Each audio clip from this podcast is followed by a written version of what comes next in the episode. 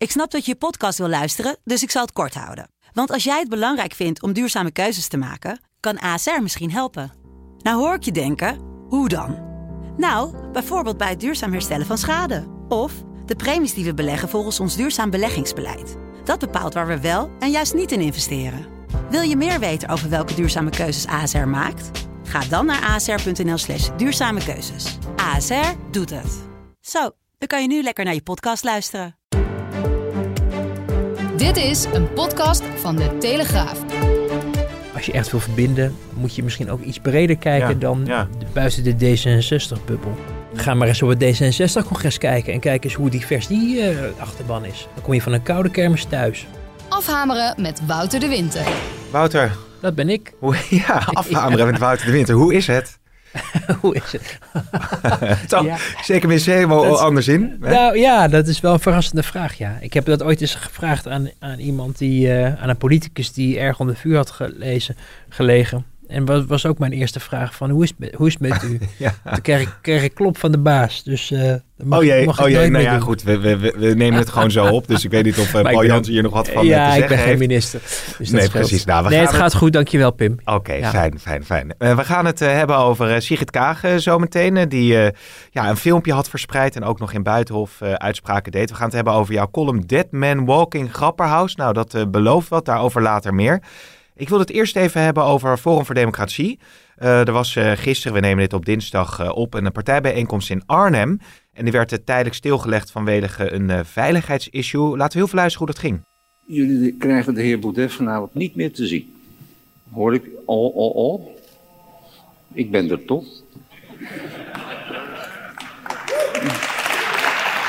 Ik heb nog een treurig bericht. Jullie zijn gegijzeld. ja, een beetje op zijn hiddemaas, hè, met een wat laconieke toon, schetsende toon. Maar wat was hier aan de hand? Nou ja, wat we hebben begrepen, hè, want ik, eh, ik, was er overigens zelf eh, ni- niet bij, maar eh, wat we hebben begrepen is dat er een, ja, toch aanwijzingen waren dat, dat iemand iets, één iemand of meerdere iemanden kwaads in de zin hadden. Dat er toch iets van een verdachte situatie ontstond. Dat er ook een politiehelikopter op een gegeven moment boven de plek waar de bijeenkomst was georganiseerd eh, vloog. En dat eh, ook vanuit de eigen beveiliging van Forum eh, Thierry Baudet en eh, Theo Hiddema het advies kregen om eh, zichzelf in veiligheid eh, te Mhm. brengen. Eh, nou ja, dat, dat zijn natuurlijk hele nare gebeurtenissen die, die je helaas eh, eh, ja, eh, wel vaker ziet gebeuren. Het bedreigen van politici. Geert Wilders komt natuurlijk als eerste op, maar, eh, maar ook andere politici hebben daarmee te maken. Onlangs Pieter Omzicht op straat. Eh, nou, reken maar dat, eh, dat mensen als de minister-president ook met enige regelmaat verwensingen bereiken. Op welke manier dan ook. En ehm, eh, ja, natuurlijk erg ongewenst. En ook iets wat je, waarvan je hoopt dat dit, dat dit niet de toon gaat zetten voor de verkiezingscampagne. Hè? Want we hebben natuurlijk een, een kleine twintig jaar geleden gezien hoe, hoe in verkiezingstijd een politicus van het leven werd beroofd, Pim Fortuyn. Een, eh, een afschuwelijke moord natuurlijk eh, destijds. En, eh, en nog steeds iets waar je, waarvan je hoopt dat het nooit meer, nooit meer gaat gebeuren. Ehm, en, en ja, laten we hopen dat mensen in Nederland, politici ook gewoon kunnen blijven zeggen wat ze vinden. Zonder dat ze daarbij voor hun eigen veiligheid moeten vrezen. We hebben het natuurlijk vaker gehad ook over Wilders en wat hij allemaal voor drek over zich heen uitgestort krijgt. Heb jij enig zicht of dat bij eh, Baudet ook op een soortgelijke wijze gebeurt? Nou, politici spreken daar eh, eh, het liefst niet over. Om, dat wordt ze ook geadviseerd door de veiligheidsdienst om er zo min mogelijk rugbaarheid aan te geven. Omdat dat sommige mensen kan inspireren om, om, om ja, het toetsenbord of de telefoon ter hand te nemen en, en bedreigingen te uiten. Ehm, dus je hoort er af en toe wel eens wat. Ik, ik heb, mijn indruk is wel dat bij Geert Wilders het echt extreem is. En, en ook eh, maar doorgaat. Ehm, veel uit het binnenland, maar ook uit het buitenland overigens. Hè. We hebben daar in de Telegraaf eh, eh, ook een paar keer flink over gepubliceerd. Over wat er allemaal uit bijvoorbeeld landen als Pakistan eh, deze kant op wordt gestuurd. En waar Wilders zich ook zorgen over maakte. Omdat hij zegt van ja, wat doet Nederland eigenlijk om te zorgen dat de mensen die daar kwaad in de zin hebben worden gepakt. En nou ja, dan, dan hoor je wel over rechtshulpverzoeken die er dan worden gedaan. Maar ja, er is eigenlijk geen beginnen aan. En de dreiging kan heel concreet zijn, hè? want de mensen die, er zijn twee mensen, één of twee mensen opgepakt toen het Haagse Centraal die uh, van plan waren om Wilders wat aan te doen. En, um, het, en die kwamen uit het buitenland. Dus dat geeft ook aan dat het, de dreiging zich ook soms buiten de landsgrenzen voltrekt. Maar nu, in coronatijd, merk je dat ook politici het om de oren krijgen vanwege maatregelen die ze nemen uh, vanwege de coronacrisis. En ik, ik heb uit eigen observatie ook wel kunnen zien dat bijvoorbeeld uh, in ieder geval één minister wel, wel meer beveiliging om zich heen heeft, zichtbaar dan wel onzichtbaar. Hm. Um, dan daarvoor het geval was. Nou ja, als we het beetje wat dat betreft even bij de naam noemen, dat waren ook beelden die op social media verschenen. Ik weet niet of je daarop doet hoor, Wouter, maar ik zag wel dat uh, Grapperhaus na alle ophef uh, rondom uh, natuurlijk de bruiloft, dat er ehm, ja, op het plein meer beveiliging om hem heen liep. Daar werd toen op social media gewacht van gedaan. Ik weet niet of je, of je daarop doet. Nou, ik, ik, het zijn meerdere ministers die helaas okay. het slachtoffer zijn van, van, van dreiging. En dat varieert. Soms is dat permanent. Hè. Bij een politicus als Geert Wilders, die wordt permanent en zichtbaar uh, heel erg zwaar uh, beveiligd. Hij woont ook natuurlijk in een safe house. Uh, maar er zijn meerdere bewindspersonen, maar ook andere politici die langer of kortere tijd soms beveiliging krijgen. Ja, ja, ja precies. Even omdenken, dat is misschien ja, advocaat van de duivel spelen. Maar je ziet natuurlijk met name ook in de Amerikaanse verkiezingen dat de toon tussen Republikeinen en Democraten ongekend hard is. Uh, mm-hmm. Biden, Hayden wordt voor van alles uitgemaakt. De Trump wordt voor van alles uitgemaakt. Is er ook een opdracht aan politici om uh, ook naar de komende verkiezingsrace toe de toon misschien wat te matigen en geen nou, olie op het vuur te gooien? Nou, ik zou niet weten waarom. En ik heb ook niet het idee dat er een politicus is in dit land die op dit moment grenzen overschrijdt. Nee. Uh, hè, er is overigens natuurlijk een, een, We hebben vorige week de rechtszaak van, van Wilders en die uitspraak gehoord uh, van het Hof daar heeft um, uh, het Hof wel hem een tik op de vingers gegeven en hem ook wel veroordeeld natuurlijk. Zij het minder dan, dan de rechtbank eerder heeft gedaan. Het is dus ook eindelijk, uiteindelijk aan de rechter om te bepalen of uh, uh, politici te ver gaan. Maar dit ging dan over een uitspraak van dit is zes jaar geleden of ja. zo. En ja. ik heb niet het idee dat er op dit moment dingen worden gezegd die uh, ja, bijdragen aan uh, of het uitlokken van bedreigingen of zo. Ik weet ook niet of, het, of je het zo moet aanvliegen hoor. Want politici moeten vrij zijn om, om te zeggen wat ze willen, omdat zij de bevolking vertegenwoordigen. De kiezer heeft ook vrijheid van meningsuiting. En sommige mensen zetten hun, hun hun standpunten en argumenten scherp aan. Dat hoort ook, vind ik, wel bij de politiek en, en zeker in verkiezingstijd. Um, ik heb niet het idee dat wij het niveau van, uh, van Amerika hebben benaderd, omdat ik alleen al denk dat dingen als Sleepy Joe, hoewel je ook je af kan vragen hoe haatdragend dat overigens is, maar dat, dat soort termen, die, die, die, die ja, dus daar zijn we toch meestal wel iets te ja. ontwikkeld voor, denk ik wel. Ja.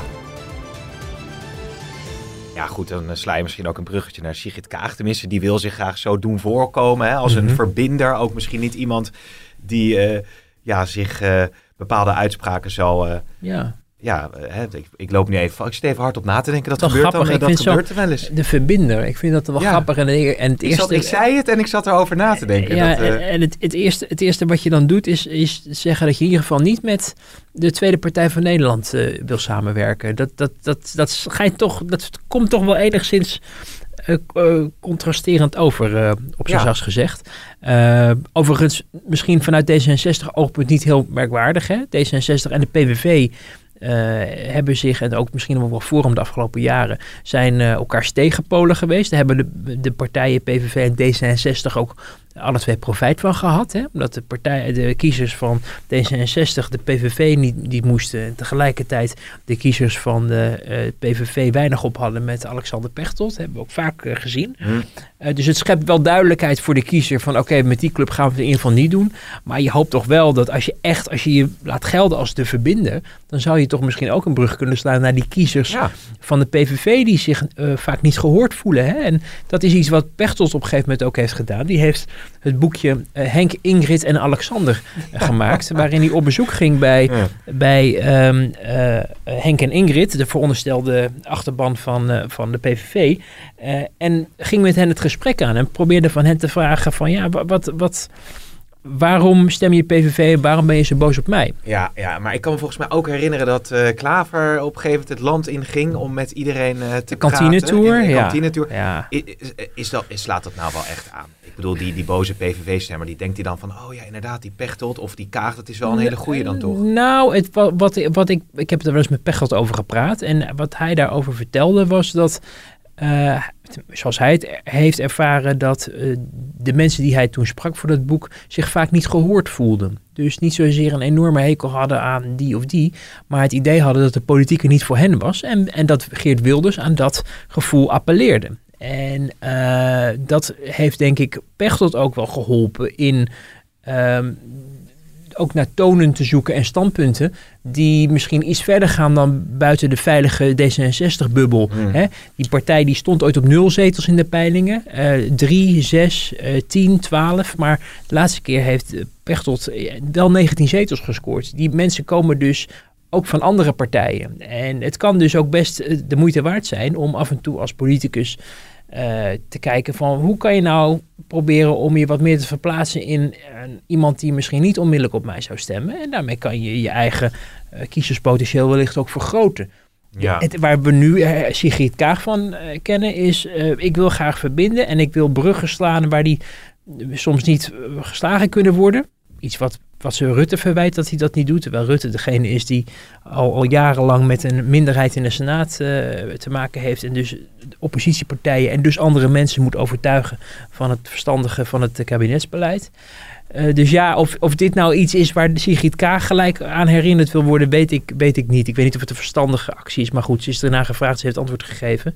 Eh, maar als je echt wil verbinden, eh, moet je misschien ook iets breder kijken Ja, dan ja. de- buiten de D66-bubbel. Ik zit te denken, bruggen slaan, was dat niet ooit de slogan van Rutte en Samson samen? Er Dat staat was- iets van bij. Dat, Dat was de titel van het regeerakkoord van Rutte 2. Ja, ja, precies. Ja, er was ooit nog bruggen bouwen, maar dat vonden, ik, als ik me goed herinner, was het kamp. Maar goed, ik zat vorige week ook naast, want toen heb ik geroepen dat Fortuin van de Sorry-democratie was. En dat was Jan. En dat was een oplettende eh, luisteraar of kijker die dat eh, nog even aan mij heeft laten weten. Eh, maar ik geloof dat, dat, dat, iemand, dat vanuit de VVD het wat weinig daadkrachtig werd gevonden als het bruggen bouwen was. Dus toen hebben ze de bruggen slaan. Dat had iets van... Ja, iets meer Ja, kordaatachtig. eh, ja, dus... Ja, Kaag, Kaag die had overigens duidelijk. Kaag die had overigens ook nog een, eh, een filmpje nadat ze de eh, zinderende lijst, eh, strijd om het lijsttrekkerschap had eh, gewonnen. Dat was wat. Ja. Hoe zou het met, eh, met Tom Visser gaan eigenlijk nu? Misschien dat hij het over... Ja, over nee, ik, ik las iets over geld en vals. En, Nou ja, nou goed. eh, volgende keer kan hij het weer proberen. Maar eh, ja, er werd meteen een, eh, een filmpje de wereld ingeslingerd... waarin ze zichzelf ja, op de volgende manier eh presenteerde. Het is tijd voor nieuw leiderschap. Voor iedereen in Nederland. Het zijn onzekere tijden. Allemaal zoeken wij naar houvast, naar een gezamenlijke basis. Al heb ik niet alle antwoorden, één ding weet ik zeker. In deze crisis moet het roer om. Ik werd er wel ja, een beetje weeg van. Ik ben blij dat jij het zegt, dan hoef ik het niet te doen, Pim. het is toch echt, het is toch een aaneenschakeling van, van gemeenplaatsen dit. Wat moet je hier nou mee? Wat moet je hier nou mee? Ja, nou ja, ik weet het niet. Ja, ze stond in Rotterdam, geloof ik eh, ook. Ja, daar, daarvan had ik ook weer zoiets van... Misschien Marijnissen of, of Hugo de Jonge, Swa, weet je wel, in Rotterdam. Dat, dat, dat, dat, dat klopt dan gevoelsmatig. Ja. Maar ik dacht, waarom staat ze nou eigenlijk in Rotterdam? Volgens mij komt ze ook niet uit Rotterdam. Nou, ik geloof, had ze niet ook dat, dat filmpje toen met Was Eva Jinek Rotterdam. daar ook? Was ook in eh, Rotterdam, ja. Rotterdam is een soort, is een grote stad, maar van, van, eh, kennelijk van het gewone volk of zo. Ja. Waar Amsterdam de elite vertegenwoordigt. Ja. Dus doe je het in Maar daar heeft ze Rotterdam. over nagedacht. Ik ga, dat, dat ze niet in Amsterdam gaat staan voor het Rijksmuseum Nou of ja, zo. Rotterdam, het Rijksmuseum. Nee, Ro- Ro- Rotterdam, eh, Rotterdam heeft natuurlijk de, de, het eh, is natuurlijk echt een, een, een wereldse stad. Hè? Met helaas vanwege die verschrikkelijke bombardementen uit de Tweede Wereldoorlog is daar veel ruimte gecreëerd voor hoge gebouwen en, en moderniteit. En ehm, eh, niet lullen maar poetsen en dat soort eh, zaken. En dat ademt ook vaak, zie je bij meerdere politici, eh, de uitstraling van een nieuw begin. Hè? Ja. Iets waar wat, wat gebeurt en Nederland vooruit en dat soort zaken. Maar als je nou echt heel goed luistert naar wat Sigrid Kaag zegt in dat filmpje, maar ook in al die interviews die we de afgelopen tijd voorbij hebben zien komen, dan, dan heeft het, vind ik, niet zo ontzettend veel om het lijf. Het is, het is, het is tijd voor nieuw leiderschap. Ja. Het roer moet om. Ehm, ja, dat had je, dat, weet je, de, de change ehm, slogan van Obama was omdat mensen na acht jaar George W. Bush er echt genoeg van hadden. En die wilden echt het roer om. Ehm, er was ook een enorme ja, anti-Bush stemming eh, ontstaan. En ik geloof dat Bush ook niet eens meer bij de toenmalige republikeinse presidentskandidaat in de buurt werd gezien. Omdat hij eh, toch een heel grote negativiteit opriep. Ehm, de behoefte van het roer moet om een nieuw leiderschap voor, een, voor iemand. En dan heb je het dus over Mark Rutte, die, hoe je het ook bent of keert, eh, echt, echt, echt, echt, echt ver voorop loopt in, in de peilingen. Uh, vind ik wel een, een, uh, ja, een bijzonder uh, bouwde uitspraak. Want, ja. want kennelijk voel je dan niet aan dat een heleboel mensen dat niet met je eens zijn. Er is onderzoek van een vandaag verricht. Ik geloof dat het vorige week bekend werd gemaakt. En daaruit blijkt gewoon dat zelfs de, de achterbannen van verschillende partijen PvdA en CDA heel erg veel vertrouwen hebben in het huidige leiderschap. Dus, dus ja, als je daar al je kaarten op zet, ik weet niet of het verstandig is. Nee, het zit er misschien ook wel in uh, sociale cohesie waar ze op doet. Als je naar dat filmpje kijkt, dan zag je ook natuurlijk... Uh, ja, het is allemaal heel warm en met, met mensen van allerlei achtergronden... waar ze dan uh, nou, oud, jong... Ga maar eens op het D66-congres kijken... en kijk eens hoe divers die achterban is. Dan kom je van een koude kermis thuis. Ja, oké, nou dat is, uh, dat is duidelijk. Ja, dus uh, jij hebt niet te hoog op van uh, de manier waarop zoals het is. presenteert. ja, nee, ja, nee. je moet je ik, toch op een bepaalde manier, denk ik, dan ook weer presenteren. Dat, dit is dan misschien de toon die wij, die nou zij ja, dat, aanslaat. dat, dat is ook lastig. Snap ik wel. Kijk, het is natuurlijk iemand die, dat, die, die misschien juist die polariserende toon in de politiek wil vermijden. Ja, door geen standpunten te hebben. Kijk, kijk als je kijkt naar de, de, een aantal van, van um, ja, mensen die in dezelfde positie hebben gezeten, die aan een zo'n zo'n uh, reis begonnen als uh, nieuwe partijleider, die hebben bijvoorbeeld eerst een paar boeken geschreven. Hè? Uh, of die zijn zoals Diederik Samson destijds heeft gedaan. Die is het hele land doorgegaan in, uh, in de oppositietijd om zich voor te bereiden op het leiderschap. Dus die ging met alle afdelingen praten, draagvlak verzamelen. En uiteindelijk kon hij zichzelf op de troon van de PvdA laten landen. Dat is uiteindelijk later weer niet goed afgelopen. Maar dat had volgens mij niet zozeer uh, te maken met dat hij, niemand in die partij hem nee. kende. Of dat hij zijn, zijn, zijn visie voor Nederland niet goed onderbouwd had. Maar meer om zijn persoonlijkheid. Um, Sigrid Kaag is er ineens. Die is minister uh, van, voor buitenlandse handel en ontwikkelingssamenwerking. Uh, en die is ineens nu ten tonele verschenen als de vrouw die de nieuwe, het nieuwe leiderschap dan vertegenwoordigt. Maar je wilt toch echt heel erg graag horen van haar wat zij dan anders wil doen dan de manier waarop het nu gaat. Hè? Mm. En um, kijk, dat, dat heeft Pechtold destijds, die heeft echt voor de verbreding gekozen. Die zegt, ik ga niet alleen maar de mensen die toch al op mij stemmen proberen te benaderen. Maar ik ga ook proberen te kijken hoe ik ook met anderen, zeker met mijn aardsrivaal van de PVV, uh, uh, mensen voor me kan winnen. En, en nou ja, misschien dat je dan ook nog wat andere partijen, wat kiezers daarvan meetrekt. Ja, um, ja ik, ik, ik moet het allemaal nog zien. Ik vind het, uh, ik denk wel dat ze, maar dat hebben we volgens mij vorige week ook besproken, dat de, ze heeft wel een persoonlijkheid. Ze is wel iemand die zich niet zo snel uit het veld laat slaan, denk ik. Of ze laat wegblazen door bluffpoker, wat andere partijleiders in vorige confrontaties met bijvoorbeeld Rutte nog wel eens gebeurd is. Ik denk echt wel dat zij te midden van al die mannen, want zo moet je toch uh, op een gegeven moment, als je het hele speelveld overziet, moet je dat ook laten meewegen. Ik denk dat ze wel een onderscheidend uh, persoon kan zijn. Mm. Uh, maar je wil zo graag wel iets meer horen dan ja. alleen maar het roer moet om en het is tijd voor nieuwe leiderschap. Ja, ja. Voordat we naar Grapperhaus gaan, moeten we eigenlijk het nog even over Tante Betje hebben, zit ik me te bedenken. Hè? Ja, jij zou nog gaan lunchen met die meneer die het ja. goed had geraden. Ja, ja precies. Ja. Daar, waarvan akte, hè? als die meneer zich... Uh, meldt. Nou, ik zal misschien maar even opzoeken. Ja, zo eerlijk moeten we toch zijn in deze podcast. Ja, maar het is, ik, ach, ja, het maakt ook niet uit of je dacht, het was een grapje. Hè? Het was maar, een grapje. Maar, ja, het, nee, het is, maar het is leuk, want ik wilde als, wel als zeggen. hij, als hij nu weer reageert, dan, dan wil ik best een keer uh, lunchen met met nou, ja, zo zijn we toch ook wel in de podcast nee. Ik, ik, ik, vind het, ik vind het echt heel leuk als je hoort, uh, maar daarna gaan we het wel over politiek hebben, maar ik krijg echt heel erg veel reacties van allemaal luisteraars, van mensen ook, sommige mensen ken je wel, sommige mensen ken je niet. En ik vind het echt gewoon heel erg leuk dat, dat mensen de moeite nemen om... Ja. Uh, om, om, om, om te luisteren. Ja. Dus blijf dat vooral doen.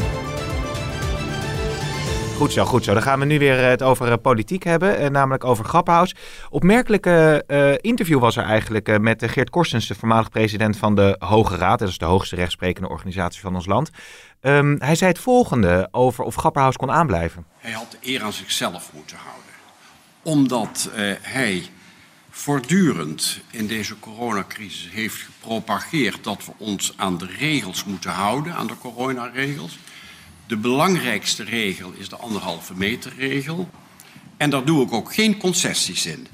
Als je dat zegt en dan vervolgens jezelf niet aan de concessies houdt, die is niet meer geloofwaardig. Ja, ik, ik had dat fragment getweet. Toen stuurde iemand uh, naar mij van, goh, uh, is dat nou zo belangrijk, zo'n gepensioneerde man?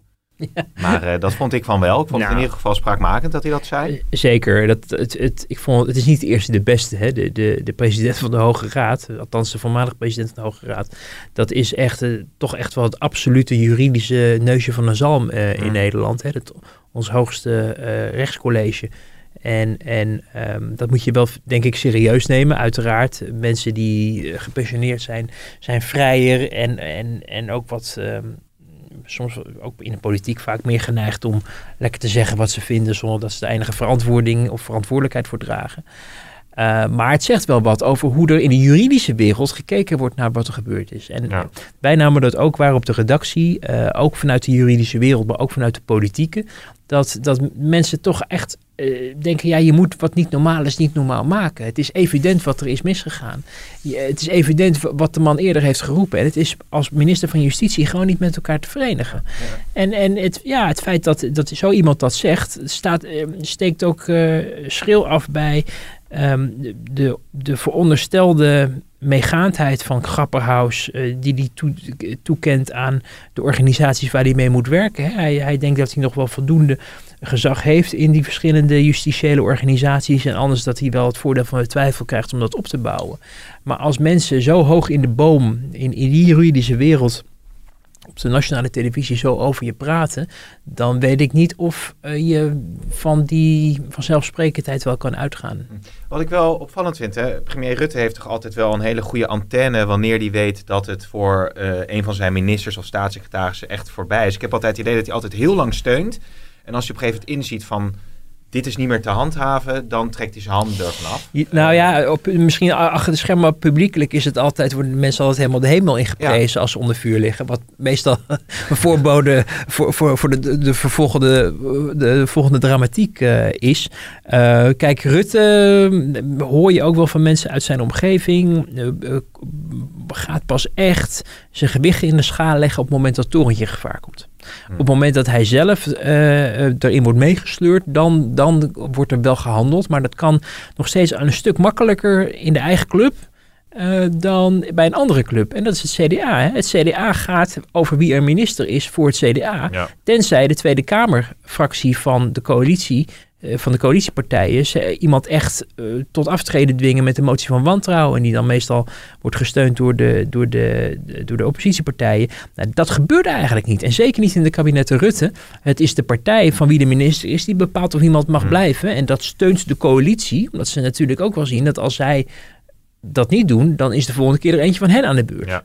En dat speelt op de achtergrond ook altijd mee. Dus, dus Rutte die uh, moet, zoals hij zo vaak als premier uh, heeft moeten doen de afgelopen tijd, soms het, het, het, het onmogelijke verdedigen. Dat hoort bij zijn baan. Ook al vindt hij het zelf niet. En ook al heeft hij gezien dat iemand zwaar beschadigd is.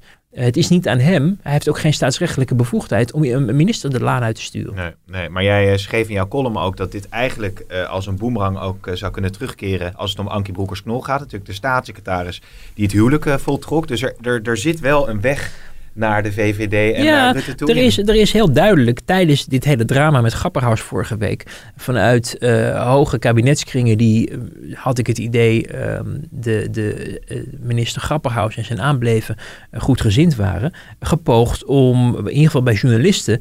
toch nog eens heel duidelijk op te wijzen... dat het vooral Ankie Broekers-Knol was... de staatssecretaris van Justitie... die aanwezig was op dat huwelijk... die heeft bij hoog en bij laag heeft volgehouden dat dingen voorbeeldig waren ja. gebeurd. En zij kon het weten, want ze was er zelf bij, pochten ze nog uh, ten opzichte van journalisten. Die uitspraken zijn vorige week, toen, toen Grapperhaus het heel erg om de oren kreeg en er ook een heel spannend debat wachtte, zijn heel nadrukkelijk vanuit kabinetskringen onder de aandacht uh, gebracht in een zogenaamde reconstructie richting in ieder geval media. En um, nou ja, dat, daarmee zag je dus dat er in, in ieder geval bij sommige mensen het idee was dat niet alleen Grapperhaus ehm, aan zijn politieke einde zou komen als hij in de problemen zou komen. Mhm. En nou ja, uiteraard heb ik ook navraag gedaan bij de VVD van goh, hè, waar heeft dat meegespeeld? Nou, zij zeggen van niet. Zij zeggen dat de positie van Broekers-Knol in ieder geval officieel nooit ehm, ter discussie is gesteld. Niet in de eigen kring en ook niet door bijvoorbeeld het CDA. Eh, maar wat je ook bij de VVD hoort, is dat ze zich daardoor niet door laten beïnvloeden. Ze hebben een vergelijkbaar uh, akkefietje gehad alweer vele jaren geleden, 2004, met Annette Nijs, de staatssecretaris van Onderwijs, die destijds uh, hele onhandige dingen had gezegd over haar minister van Onderwijs. En toen heeft het CDA, hè, ze moesten met de billen bloot, toen heeft het CDA ook wel gehint van nou, we kunnen haar wel we blijven haar wel steunen, maar dan hebben wij ook nog een, een, keer uh, een gunst te, te, verlangen op het moment dat het een van ons is. En ja, daar is de uh, VVD toen niet ingetrapt. Want die vonden het zelf ook dat ze het niet goed had gedaan. Die hebben er gewoon weggestuurd. Ja. Dus dat gevoel van quid pro quo, van eentje van jullie en dan eentje van ons. Um, ja, op het moment dat je zover komt en dat echt op tafel legt, dan dat zegt heel veel over de verhoudingen en die dan verstoord zijn. Ja. Uh, nu gebeurt het via de media. Dat is iets, dat is eigenlijk de stap voor dat het echt op tafel ligt uh, in de politieke topoverleg. Ja, ja, precies. Benieuwd hoe dat verder gaat in ieder geval. Maar in jouw column sloot je dus af met uh, de zin: Grapperhaus is dead man walking. Is, is, het, is, het, is dat echt de huidige status? Dat, dat, is, dat is dus gezegd door een kopstuk ja. uit Rutte 3. Hè. Het zijn niet mijn woorden. Nee. Het, is, dat, zijn, dat komt uit de eigen kring. Ja. The call is coming from inside the house, ja, zeggen ze dan in Scream, geloof ik.